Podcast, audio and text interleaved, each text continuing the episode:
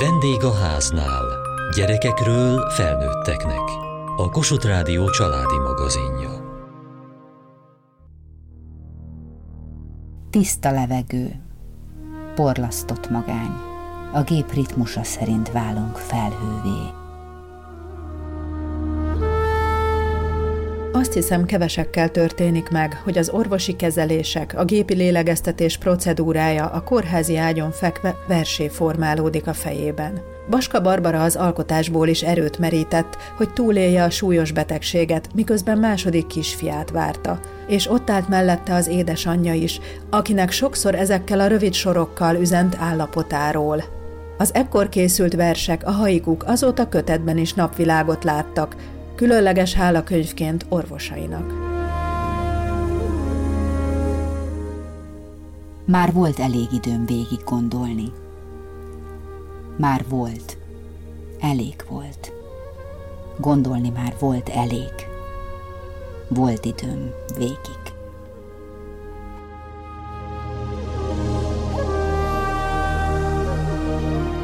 Baska Barbara, két gyermekes édesanyja, grafikus művész, operatőr és költő. Egészen a közelmúltig, tavaly év végéig inkább a vizuális művészetek kapcsán hallhattuk a nevét. De aztán tavaly év végén megjelent egy verses kötet, egy haiku kötet. Mi a története ennek a kötetnek, hiszen ez műfailag is egy éles váltás, és a verseket olvasva az életében is egy óriási fordulópont. Utólag állt nekem össze az, hogy ezek a versek ott az intenzív osztályon, amikor megszülettek, akkor ezek kvázi öngyógyításként voltak jelen, és azért is állhatott össze kötetté, mert úgy éreztem, hogy most már érdemes megszólalni, vagy, vagy mikor, ha nem most, hogy most újra visszatértem az életbe és kell tudni, merni kiadni a sorokat. Én mindig is írtam haikukat, de ezzel még nem jelentem meg soha. Ezek a versek, ezek ezek bizony így együtt egy, egy kerek egész képet mutatnak arról az esemény sorról, ami tavaly a terhességem 8. és 9. hónapjában hát egymást érve egy drámai helyzetbe sodortak minket a kisfiammal a hasamban. Ez volt egy Covid, egy autóbal esett, egy epe rosszul lét, aztán ebből egy epe műtét, majd tüdővérzés, a posztcovidos tüdő miatt, és, és intenzív osztály, majd rá pár hétre a császármetszés, és így végül is egészségesen megszületett Alexander, de ezek a napok, amiket az intenzív osztályon töltöttem, és ahol ott megmentettek engem az orvosok, ott nekem nap mint nap az ott lévő érzések és, és, és események így eszenciálódtak ezekben a kvázi ilyen szinte dokumentarista nyers egy-egy sorokkal, ami, ami mind-mind megélt pillanat volt mindössze két hónap leforgása alatt a teljesen átlagos hétköznapokból élethalál határmesdjéjén táncoló állapotba jutott el. Hogyan élte meg ezt a folyamatot? A miértjét azt, azt nem tudom.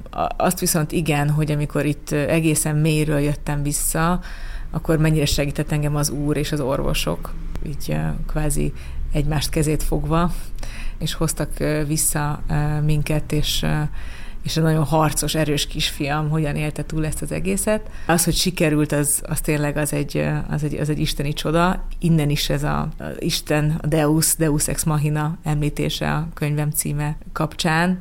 Hogy hogyan éltem meg, azok ott vannak a sorok között, olvashatóak, hogy ez mennyire volt nehéz és drámai, vagy mennyire volt ez megrázó és, és felforgató. Az ember az élete folyamán, legalábbis én nagyon sokszor találkoztam helyzetekkel, amikor orvosok megmentettek embereket, családtagokat, rokonokat, barátokat, és azt láttam, hogy, hogy tényleg ők közelebb állnak az Úrhoz, mint, mint mi halandók, hogy, hogy segítenek az emberen, és utána tovább éli az életét, és családja lesz, gyereke születik. De ez, hogy hogy, hogy az emberrel megtörténik, tehát hogy nem másokon próbál segíteni és, és orvosokat találni, hanem hogy az emberrel történik valami, ez nagyon, nagyon új volt, és nem mondom azt, hogy meglepett, de hogy előtte korábban ezen nem gondolkodtam, hogy, hogy így, így is alakulhat az élet. Hát vigyáznunk kell magunkra, az biztos. Plusz oxigén. Mint patak csobog storkodon át felhőlepi a szobát. Rényi Katalin festőművész Barbara édesanyja, és a kicsik nagymamája. Ön hogyan élte meg Barbara betegségét? Döbbenetes volt, ez egy sorozat, hogy ránk jött ez a csapás. Miután megállapodtunk mindketten abban, hogy na most akkor kezdődik számunkra a nyár, hiszen van egy művésztelepünk Csopakon 25 éve, és éppen befejeztük a művésztelepet augusztus elején, és akkor megállapodtunk, hogy na most pihenünk. Na hát akkor kezdődött sorba először az autóbaleset, aminek következtében ugye két nap múlva kijött az epegörcs, sorozatban. Ért minket ott lent csopakon ez az egész, és akkor ö, egy aranyos, kedves orvos azt tanácsolta nekünk ott a Veszprémi kórházba, hogy hölgyem, mi hamar rá Pestre. Úgyhogy Barbara följött, és még aznap éjjel megoperálták, és utána éjszaka pedig egy tüdővérzés és Covid dúl, ugye, amit korábban ő egyedül megharcolt, mert nem akarta, hogy megkapjuk. Tehát mi akkor is távoztunk csopakra, és ő itthon volt egyedül, végigcsinálta a Covidot, tehát ez volt az előzmény. Az orvosok aztán azt mondták, hogy ez post-Covid, mindaz, ami ránk következett, lehet. Nem lehetett bemenni látogatni. És az egyik orvos egyszer engem beengedett. És akkor kiderült, hogy én olyan diétás ételt viszek a lányomnak, amire ott csodára jártak az osztályon, hogy hú, hát ez hogy tetszett csinálni, és milyen finom, és isteni neki, és izé. És akkor beszélt velem az orvos, és azt mondta, hogy tetszik tudni jönni minden nap? Tetszik tudni hozni az ebédet? Én, ha megengedi, pontban egykor itt vagyok. Úgyhogy ez, az egész 12 nap alatt én minden nap értesültem minden szituációról, csak a nagy bajról nem. Mert azt úgy tagadták el előlem, mivel ez volt a kérdés, hogy hogy éltem meg. Azt úgy tagadták el előlem, néztem az orvos szemébe, hogy ugye, ugye nem hal meg, ugye, ugye, ugye túlél. Igen, ő megesküszik, ő mindenre megesküszik, hogy ezt ő túl fogja élni. És én elhittem. Úgyhogy úgy éltem meg, mint egy dolgos méhecske, akinek dolga van. Az unokákkal, az ebéddel, az érkezéssel, az autóval, a, a pontossággal. Ezt így tettem 12 napon át. Természetesen nem vagyok hülye, és láttam, hogy nagy baj van, de azért közben nyugtattak, és az nagyon sokat jelentett. Ne nézz hátra. Minden lélegzet egy lépés. Így cselezzük, ki minket úgy vár. A nagyobbik kisfia hogyan élte meg ezt a dolgot, hogyan tudta megbeszélni vele utólag, vagy akkor mit tudott segíteni neki, már ha egyáltalán ebben az állapotban bármit is lehet. Hát próbáltam úgy csinálni ott a, az intenzív osztályon és a kórházban is a dolgokat, hogy ha lehet, akkor ne nagyon lásson engem ilyen nagyon rossz állapotban. Hallani hallhasson, de látni ne lásson. Tehát uh, még videócseten, fotókon sem engedtem, hogy mutassanak. Viszont amikor már voltam olyan állapotban, akkor, akkor, akkor találkoztunk, egész véletlenül a édesanyám jött be, éppen evédet hozott, mint minden nap, egy öt percig láthattat engem ő, és hozhatta az evédet, és akkor, akkor ott engem kivittek egy kicsit a levegőre, és akkor összefutottunk, és az mondjuk egy érdekes pillanat volt, hogy hogy milyen érzékenységgel és empátiával tud felén fordulni ez a kis gentleman, aki azóta is nagyon körülvesz, és, és ez egy nagyon nehéz időszak lehetett neki, ennyire bizonytalan és, és nehéz hetek, de aztán látva azt, hogy ezt milyen felnőtten kezeli, ez, ez nagyon jó érzés volt, és, és persze sokat beszélgetünk azóta erről, tehát próbálom ezt neki, hogy ő is ezt dolgozza fel, ezt az időszakot. Mit jelent az, hogy felnőtt módon kezelte? Amikor találkoztunk, akkor körbevett szeretettel, öleléssel, puszival, ugye akkor még a hasamba volt a kicsi, folyamatosan azt nézte, hogy akkor, hogy akkor simogatja, öleje a hasam, hogy akkor még egybe vagyunk, és mindenki jól van-e, és kérdezte, és, és akkor akartak látni, a, hogy, hogy minden, mindenem megvan-e, ugyanúgy vagyok-e anyuka, előtte, és hogy egy ilyen nagyon érdekesen így körbepásztázott a legelső találkozáskor már, és azóta is ezt nagyon komolyan, amikor beszélgetünk erről, akkor látom, hogy ezt nagyon összeszedetten fogalmaz ezzel kapcsolatban, és egyébként is egy fantasztikus hat éves kisfiú, csodálatos szókincsel. Látom, hogy ezt ő úgy, úgy élte meg és dolgozta fel, hogy itt neki összeszedetnek kellett lennie, és ezt teljesítette is, és amikor meg már lehetett erről nyíltan beszélni, és érzelmeket kiadni, és akkor viszont ezt nyilván átbeszéltük, hagytam neki, és, és így sikerült ezen túl lennie ezen az egészen. Hogyan tudta a nagyobbik gyereket a szárnyai alá venni? Hát nagyon nehezen, mert az óvodából rendszeresen odaérkeztünk a kórháznak az udvarára, és akkor ott tüneményes nővérek voltak, és tolókocsival, ilyen kerekes kocsival kihozták a mamát, amikor már lehetett, és a Leon ettől olyan boldog volt és hálás attól az öt perctől, hogy ez nekünk egész napra elég volt, úgyhogy nem volt egyszerű. Igen, a Leon volt a nagy feladat járt továbbra is óvodába, Igen. tehát a kortársaival tartotta a kapcsolatot? Így van, így van, tehát semmiféleképpen nem akartuk kizökkenteni mindenből, pont elég, hogy nem volt mama, és ugye izgult a kicsi miatt is, hogy mi lesz, hogy lesz. Úgyhogy bájos jelenetek voltak ott a Szemülves Egyetemnek az udvarán, sokan nézték.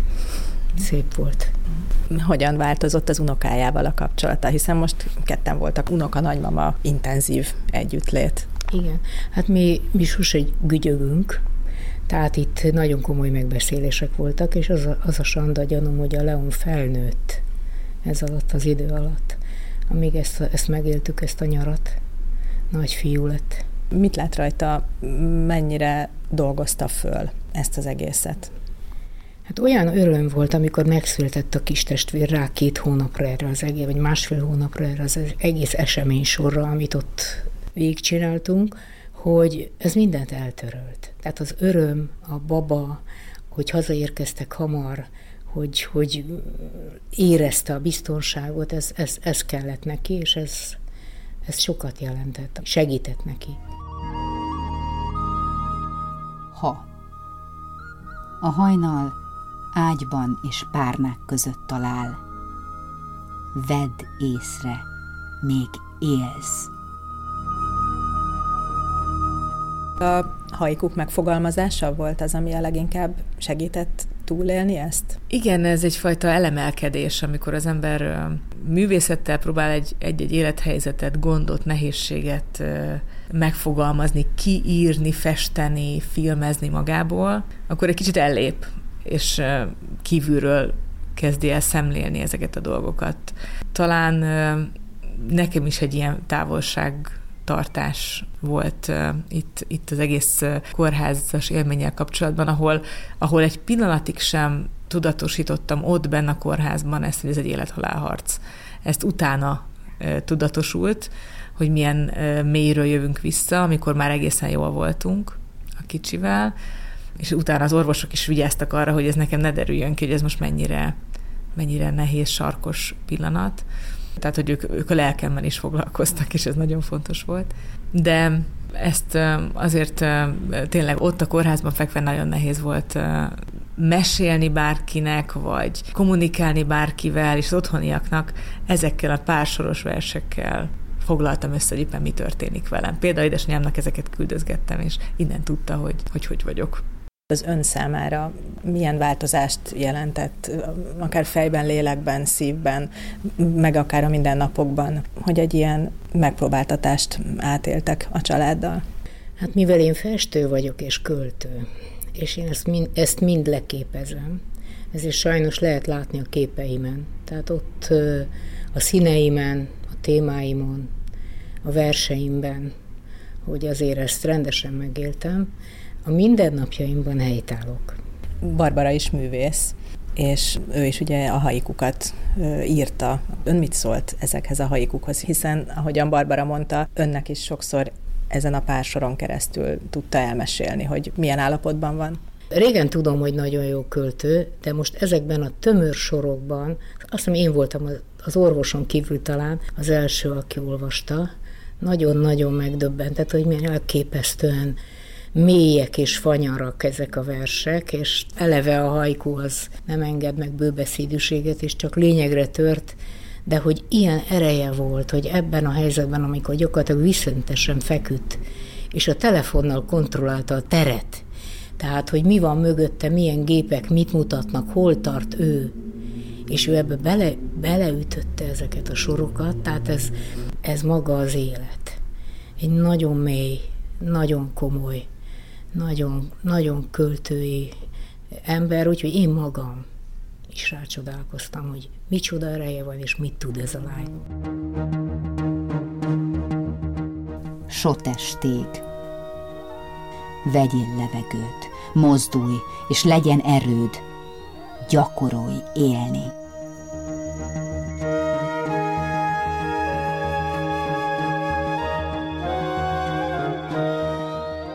Mit változtatott önön az átélt fizikai szenvedés? Hát, hogy az ember miben változott, ez egy nagyon jó kérdés. Talán még jobban tudom értékelni azokat a pillanatokat, amikor a gyerekeimmel tudok lenni, azokat a pillanatokat, amikor, amikor az ember ki tudja merni mondani az érzéseit, amikor mer egy verset leírni, és meri másoknak megmutatni, amikor önmagából többet tud mutatni, és azt gondolja, hogy esetleg van, akit ez érdekel. Az is fontos, hogy ezzel a könyvvel azokhoz is akarok szólni, akik hasonló módon valamilyen kórházi helyzetben vagy éppen nem tudnak beszélni, mert rajtuk van egy légzéssegítő gép, és talán ezek a versek is segíthetnek, hogy hogyan lehet még érdekesebben, vagy másképp látni ezt a helyzetet, és tudni azt, hogy nem vagyunk egyedül. Mit szóltak az orvosok ezekhez a versekhez? Közben is megmutatta őket, vagy a kötetben találkoztak velük először?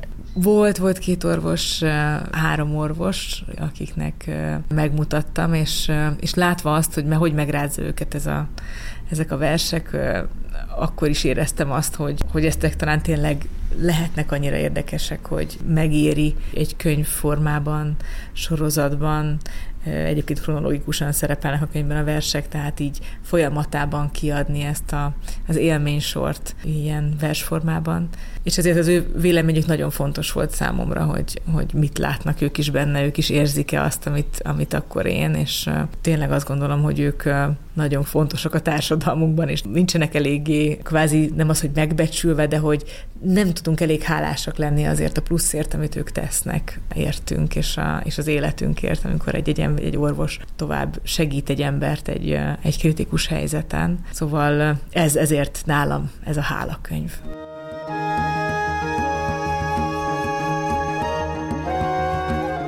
Nem vagyok egyedül. Hullámzik a has, lélegzet visszafolytva izgulok érted.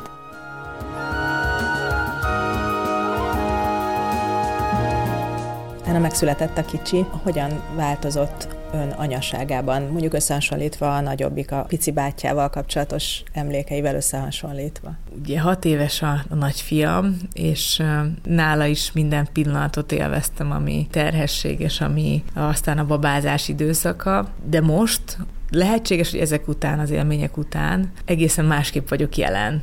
Minden pillanatban tudok, tudok teljes boldogsággal fordulni a felé, hogy már két fiam van, és milyen aranyosak együtt, és hogy hogyan rezonálnak egymással, és milyen egy kis kincs van a kezemben, amikor itt van a kezemben ez a kisfiú.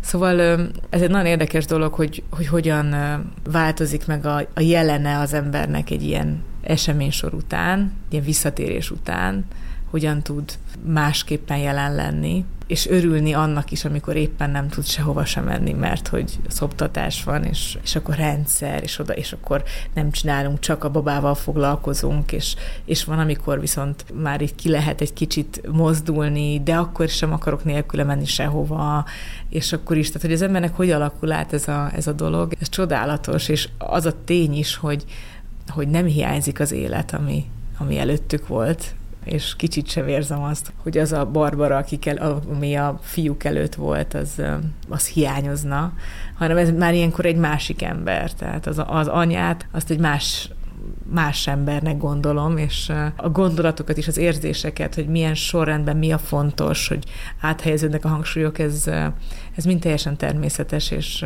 és ezért nagyon boldog vagyok, hogy én lehetek így, és hogy a kettőjüket magam elé helyezhettem. A testvérek viszonyán mit lát? Ugye a picike még öt hónapos, úgyhogy ő talán kevésbé fejezi ki, vagy kevésbé tudható, hogy ő, ő mit gondol, de a nagyobbik, a hat éves kisfiú, ő hogyan fordul a testvéréhez, hiszen ő átélte azt, amit az előbb említett, hogy a, a kórházban, a pocakjában simogatta őt. Én mindig leírom a, a nagyfiamnak a mondatait, évekre visszamenőleg dátum, helyzet, mit mondott mire, és nagyon érdekes dolgai és megállapításai vannak. Például egyszer azt is mondta, amikor még a hasamba volt a pici, hogy mama, a baba az nekem egy, egy serleg. És megkérdeztem, hogy ez, hogy ez mit jelent. És azt mondta, hogy azért, mert ez egy díj neki. Egy díj, egy jutalom. És tényleg így is áll hozzá. Én ugye mind a ketten ősszel születtek, és így is meséltem el a Leonnak, hogy a kicsi baba az, az kvázi neki ajándék, és így is állt hozzá, nem is kért más születésnapjára, csak a testvért. Nagyon jóban vannak, ez csodálatos látni, hogy egy ilyen kapcsolat hogyan alakulhat, és rajongja a Lexa Leont, és ha öten hatan is állnak körülötte, csak a Leont figyeli, hova megy, mit csinál. A Leonnal pedig pont annyi csak a konfliktus, hogy ennyit nem kell puszilgatni a babát, mert hogy minden másodpercben éppen, éppen valamit rezonálna rá, nagyon aranyos és vigyázok erre, hogy ez a, ez a testvéri viszony, ez, ez, ez kitartson.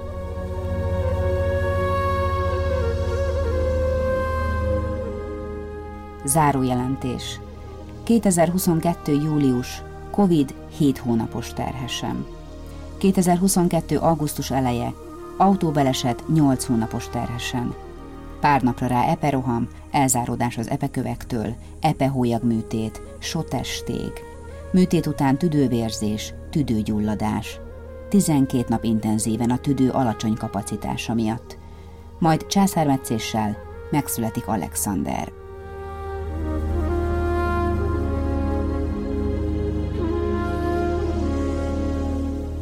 Mai adásunkban Baska Barbarával, a Deus Ex Machina című verseskötet alkotójával beszélgettünk a művészet gyógyító erejéről. Kövessék műsorunkat podcaston, vagy keressék adásainkat a mediaclick.hu internetes oldalon.